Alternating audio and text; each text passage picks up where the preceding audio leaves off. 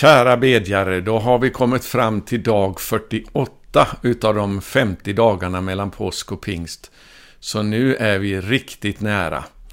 Eh, man kan undra om lärjungarna i den övre salen visste vad som skulle hända på pingstdagen, den femtionde dagen. Allt de hade fått veta utav Jesus, det var ju löftet som står i vers 5 i Apostlagärningarna 1. Där, eh, och jag ska läsa vers 4 också. Lämna inte Jerusalem utan vänta på vad Fadern har utlovat. Det som ni har hört av mig. Ty Johannes döpte med vatten, men ni skall om några dagar bli döpta i den helige Ande. Kunde de föreställa sig innan vad det här skulle innebära? Förmodligen inte.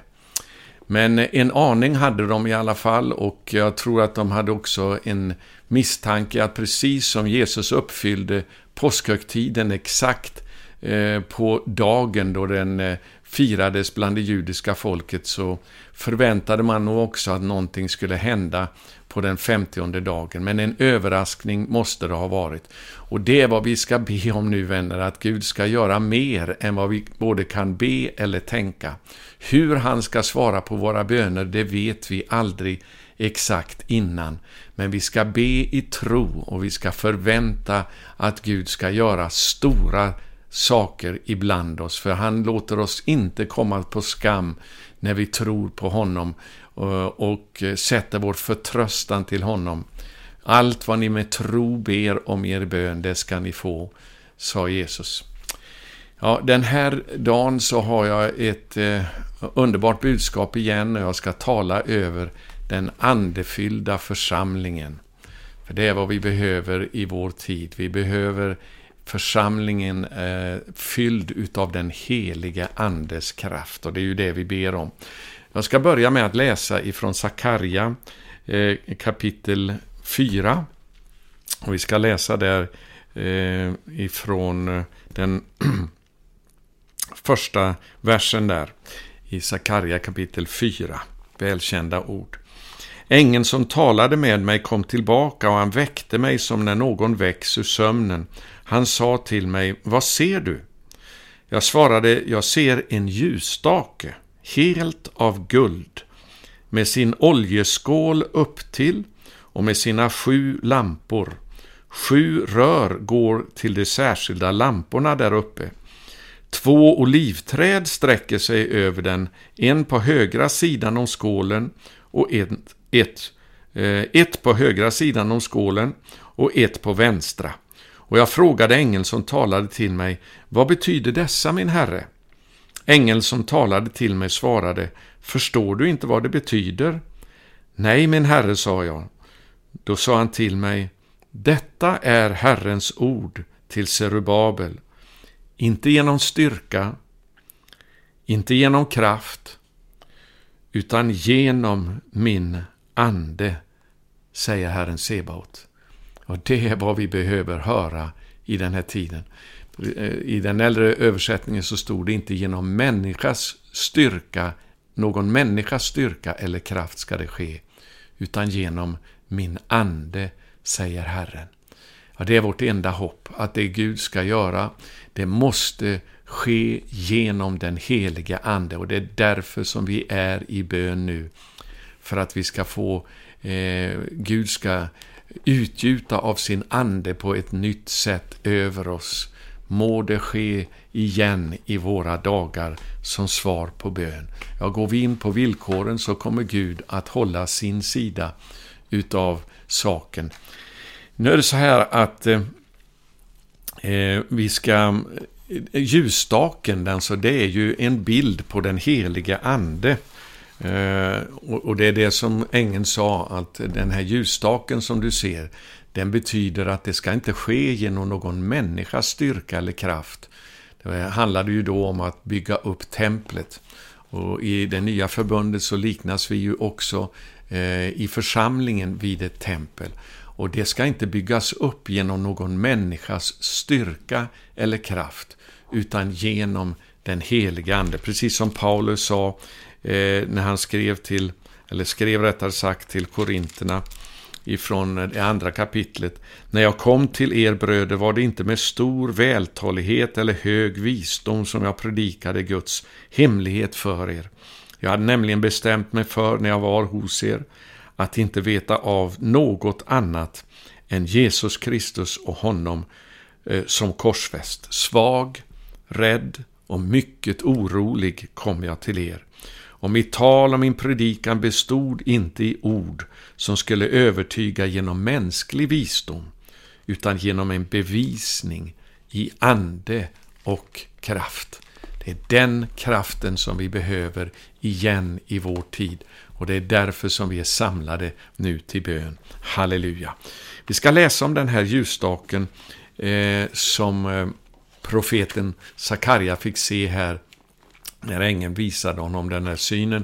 Vi ska läsa om den här sjuarmade ljusstaken i Andra Mosebok kapitel 37 och från vers 17.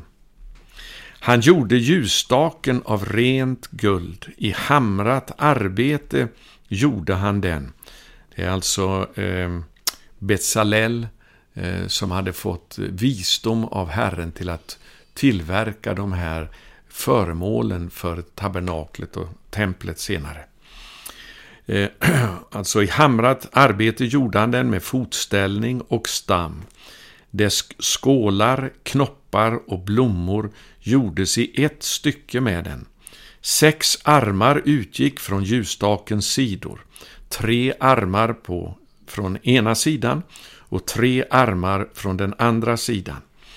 På den ena armen sattes tre skålar formade som mandelblommor, vardera bestående av en knopp och en blomma, och på den andra armen likaså tre skålar formade som mandelblommor, vardera bestående av en knopp och en blomma. Så gjordes på de sex armarna som utgick från ljusstaken. Men på själva ljusstaken sattes fyra skålar formade som mandelblommor med sina knoppar och blommor.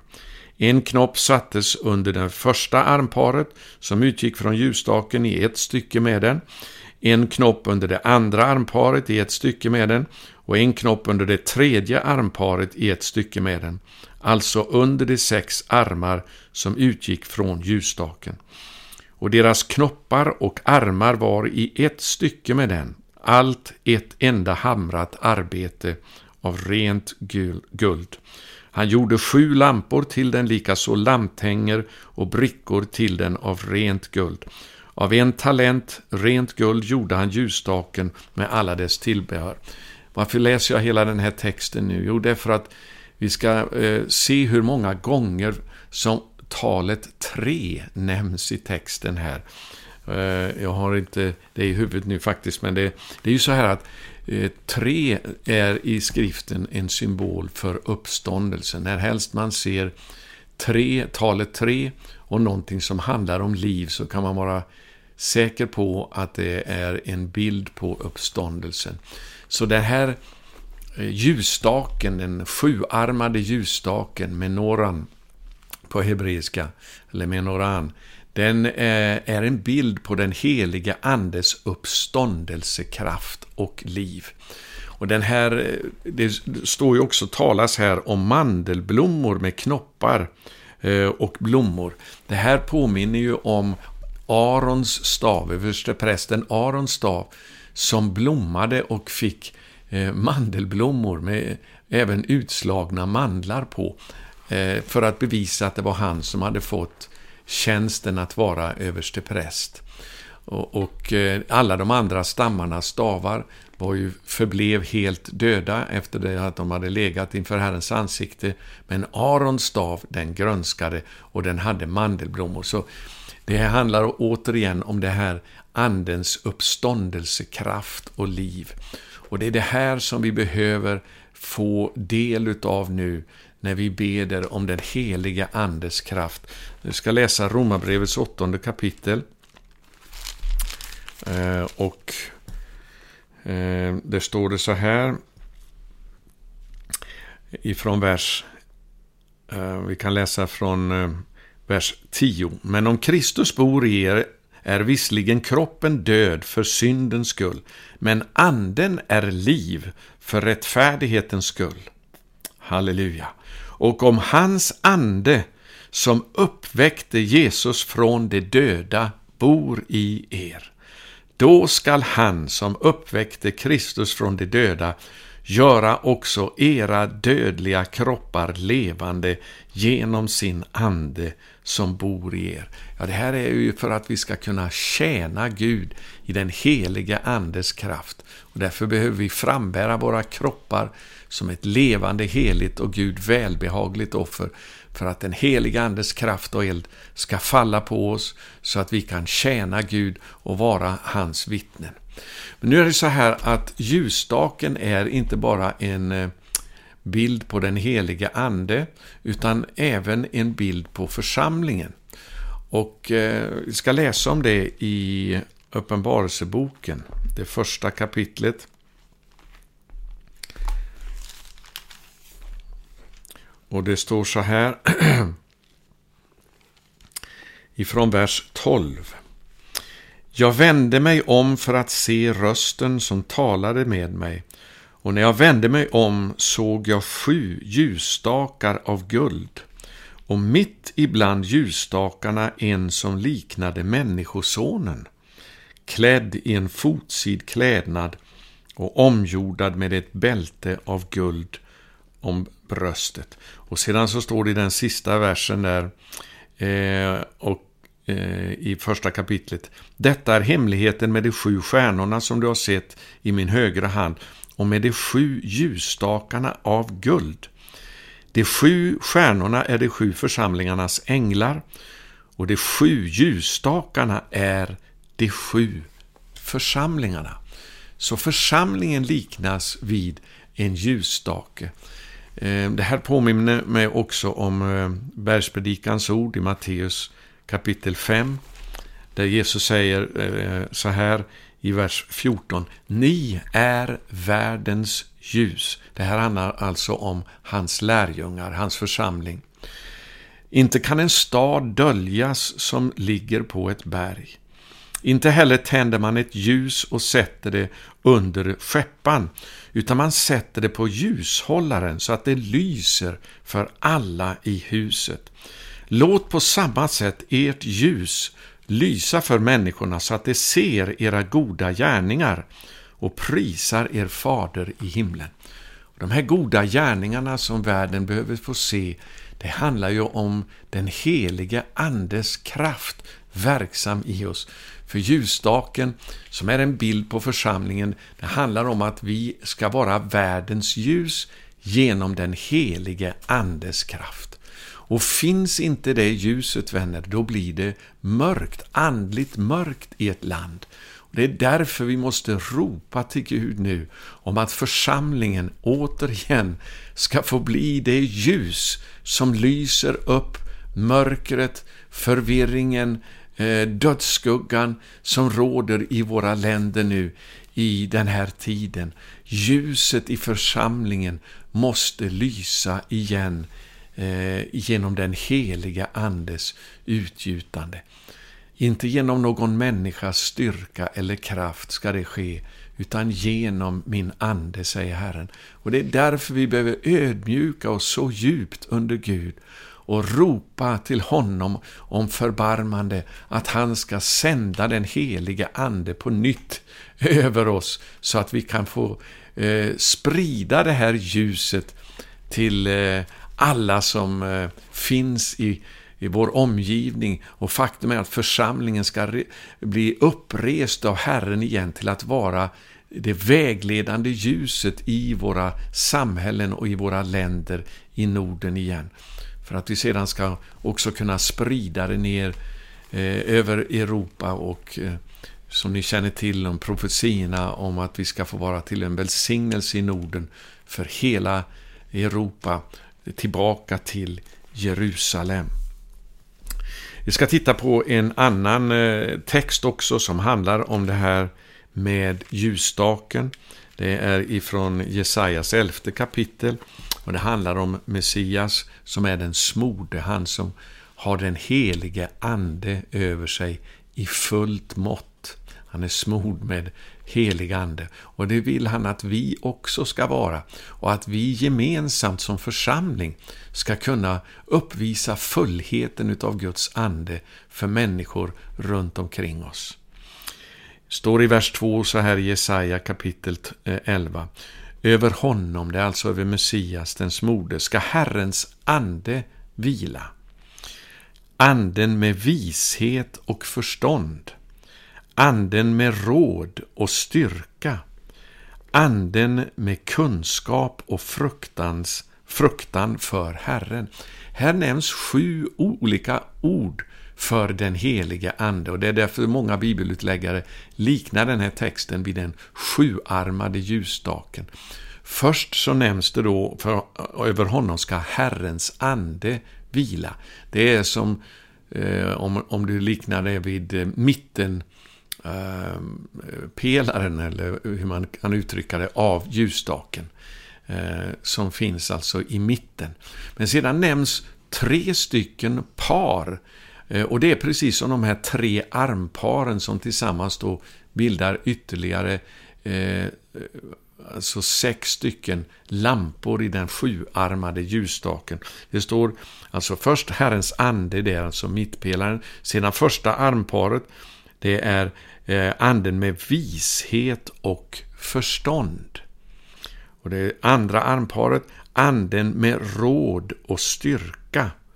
Och det tredje anden med kunskap och fruktan för Herren. Ja, är inte detta någonting att be om?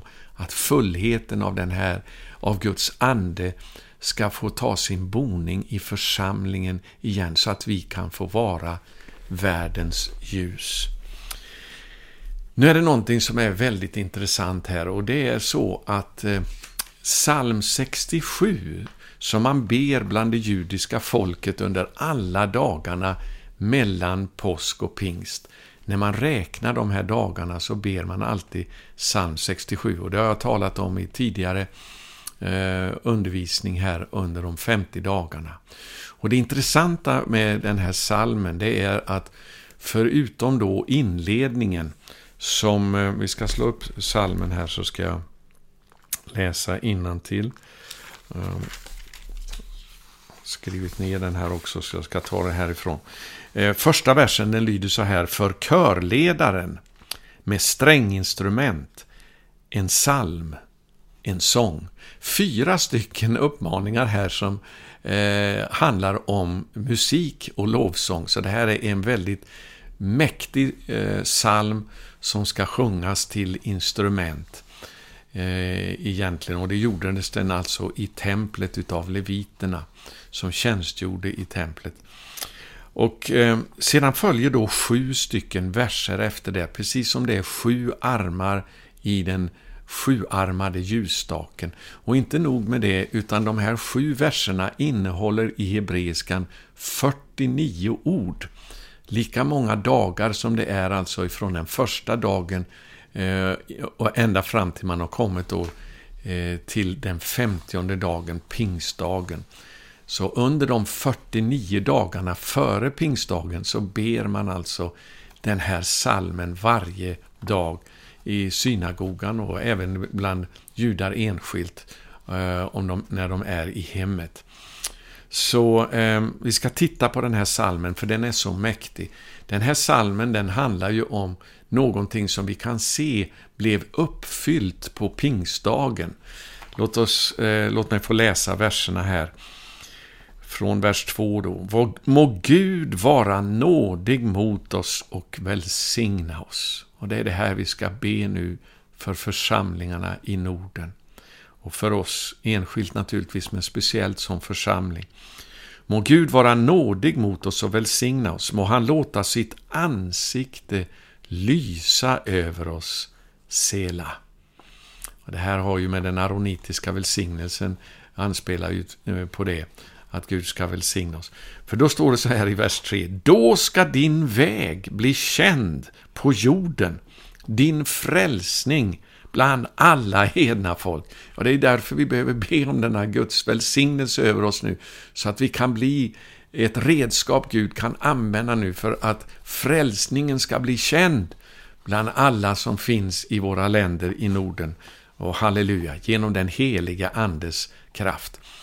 Eh, när den heliga Ande kommer över er ska ni få kraft och bli mina vittnen. Bli mina ljus. Det är en skillnad från, från att få kraft att vittna. Det är ju underbart. Men det är ännu starkare att få kraft till att vara, eller till att bli vittnen. Levande reklampelare genom eh, vilka vi har blivit genom Guds ande som har uppfyllt oss. Fortsätter i vers 4. Folken ska tacka dig, Gud. Och Det här kan också översättas då med att prisa och erkänna. Och Därför så vill jag läsa det på det sättet. Folken ska tacka, prisa och erkänna dig, Gud. Är inte det vår bön i Nordens länder, att folken ska få tacka, prisa och erkänna Gud som det högsta, den högste. Att hans namn ska bli förhärligat igen i våra länder i Norden. Så upprepas det igen. Alla folk ska tacka, prisa och erkänna dig. Folken ska glädjas och jubla, för du dömer folken rätt och leder folkslagen på jorden sela. Ja, Gud är en rättvis Gud. När vi omvänder oss till honom, då vill han upphöja oss. Och när vi vänder oss bort ifrån honom, ja, då får vi också skörda konsekvenserna utav det. För en människans sår, det får hon skörda. Det är också länder sår utav ondska får vi skörda, men också det vi sår av det goda, det får vi också skörda. Vers 6. Folken ska tacka, prisa och erkänna dig, Gud. Alla folk i Nordens länder alltså ska tacka, prisa och erkänna dig. Det är när Gud välsignar oss som det här kommer att ske. Jorden ger sin gröda och Gud, vår Gud, välsignar oss. Och så avslutas det då med Må Gud välsigna oss och må jordens alla ändar frukta honom. Halleluja, må det ske igen i våra länder i Norden, därför att Gud förvandlar oss genom den helige Andes kraft. Det är väldigt märkligt, men eh, det finns en urgammal tradition bland det judiska folket att den här salmen eh, den uppenbarades först för Mose. Och vi vet ju att det finns ju en anspelning till den aronitiska välsignelsen i fjärde Moseboken här. Och sedan också för David i form av en sjuarmad ljusstake i rent guld, som en skinande guldplatta. Och eh, det är ju fantastiskt. Och jag ska visa här hur man avbildar den här salmen i, i många utav bönböckerna bland det judiska folket. Hoppas det går att se i bilden här. Det här är en, en eh, sjuarmad ljusstake där man har skrivit på hebreiska psalm 67. Varje arm är en utav verserna. De översta eh, bokstäverna som liknar då lamporna, det är inledningen, den första versen för sångmästaren, eh, eller för körledaren med stränginstrumenten, salmen sång. Där står det som liksom ljusen här uppe på ljusstaken. Och sedan så är det eh, verserna då som kommer här på de olika armarna i ljusstaken. Så eh, halleluja, vi ska be den här salmen, psalm 67, att vi ska få bli vittnen. Inte bara enskilt, utan som församling, att den andefyllda församlingen ska resa sig igen i Norden, när vi ödmjukar oss inför Herren i uthållig bön. Och Det ska vi fortsätta att be med, men vi ska tro att det blir en begynnelse utav det under den här bönen vi har bett de här 50 dagarna mellan påsk och pingst. Det är så fantastiskt och jag är så tacksam för var och en av er som har följt med i den här bönen. Vi känner att det är någonting nytt på gång. Vi lever i oerhört omvälvande tider eh, i, i världen nu. Eh, och det är nu som vi behöver låta ljuset lysa i mörkret genom att den helige Ande utgjuts över oss. Ja, det är bönämnet som vi ska fortsätta att bedja för på ett speciellt sätt nu Eh, under den här dagen. Låt oss be tillsammans. Kära himmelske far, vi ber att du ska resa upp din församling igen. I Sverige, i Norge, i Finland, i Danmark, Island, Färöarna, Åland, alla länderna i Norden med korset i baneret, i flaggorna som du har gett oss som symbolen för evangeliet om din son. Herre, vi har vänt oss bort ifrån dig. Och vi har blivit ljumna, varken kalla eller varma. Eller också är det många som har avsvalnat helt. Men det är så lite utav Andens glöd och liv. Nu ber vi att du ska blåsa liv i den här elden igen, Herre. Att vi ska få brinna för dig Eh, som det brann förr av väckelsens eld i våra länder. Och att den här elden den ska bli synlig, vi ska bli levande reklampelare. Vi beder om andefyllda församlingar att resa sig upp igen i våra länder, Herre. Jag ber om den nödvändiga ödmjukheten i våra liv, att vi böjer oss djupt inför dig, för vi vet att det är inte genom människas styrka eller kraft som det kan ske, utan bara genom att du utgjuter din ande över oss ifrån himmelen. Smörj varje bedjare nu, idag Herre, till att ropa till dig, till dess att du förbarmar dig över oss. Som det står också i Joels bok att prästerna må gråta mellan förhuset och altaret och säga var, varför ska man få säga bland hedningarna, var är nu deras Gud? Och Herre, då förbarmade du dig och kom med löftet om upprättelse och andeutgjutelse.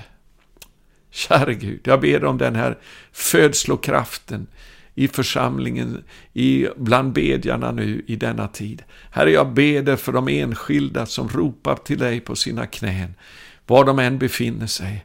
Jag ber också för de gemensamma bönesamlingar som nu finns på olika ställen runt om i Norden. Herre, vi ser till dig, till dess att du ska vara oss nådig och utgjuta din ande från höjden över oss igen.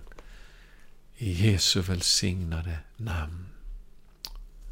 Amen. Vi, har, vi är snart framme. Tack för att du håller ut i bön. Vi har bönenatten kvar. Den sista natten före pingstdagen och vi är uppmanade till en bönenatt. Jag kan ju meddela att här i Jerusalem så på pingstafton så är eh, folk ute på gatorna hela natten och de går från synagoga till synagoga och lyssnar till undervisning och är med i bönerna. Så eh, de är föredömen för oss. Och det är både unga och gamla, alltså, och barn och andra. Det här är en vakande natt bland det judiska folket eh, för att man ska vara redo för den femtionde dagen, för den stora festen och kröningsceremonin. Det var ju då som Petrus predikade och sa, denne Jesus som ni har korsfäst, han har blivit upphöjd till Faderns högra sida och krönt eh, till eh, konung och Messias och han är den som har utgjutit det som ni här hör och ser. Låt det ske igen, det är vår bön. Gud välsigne dig.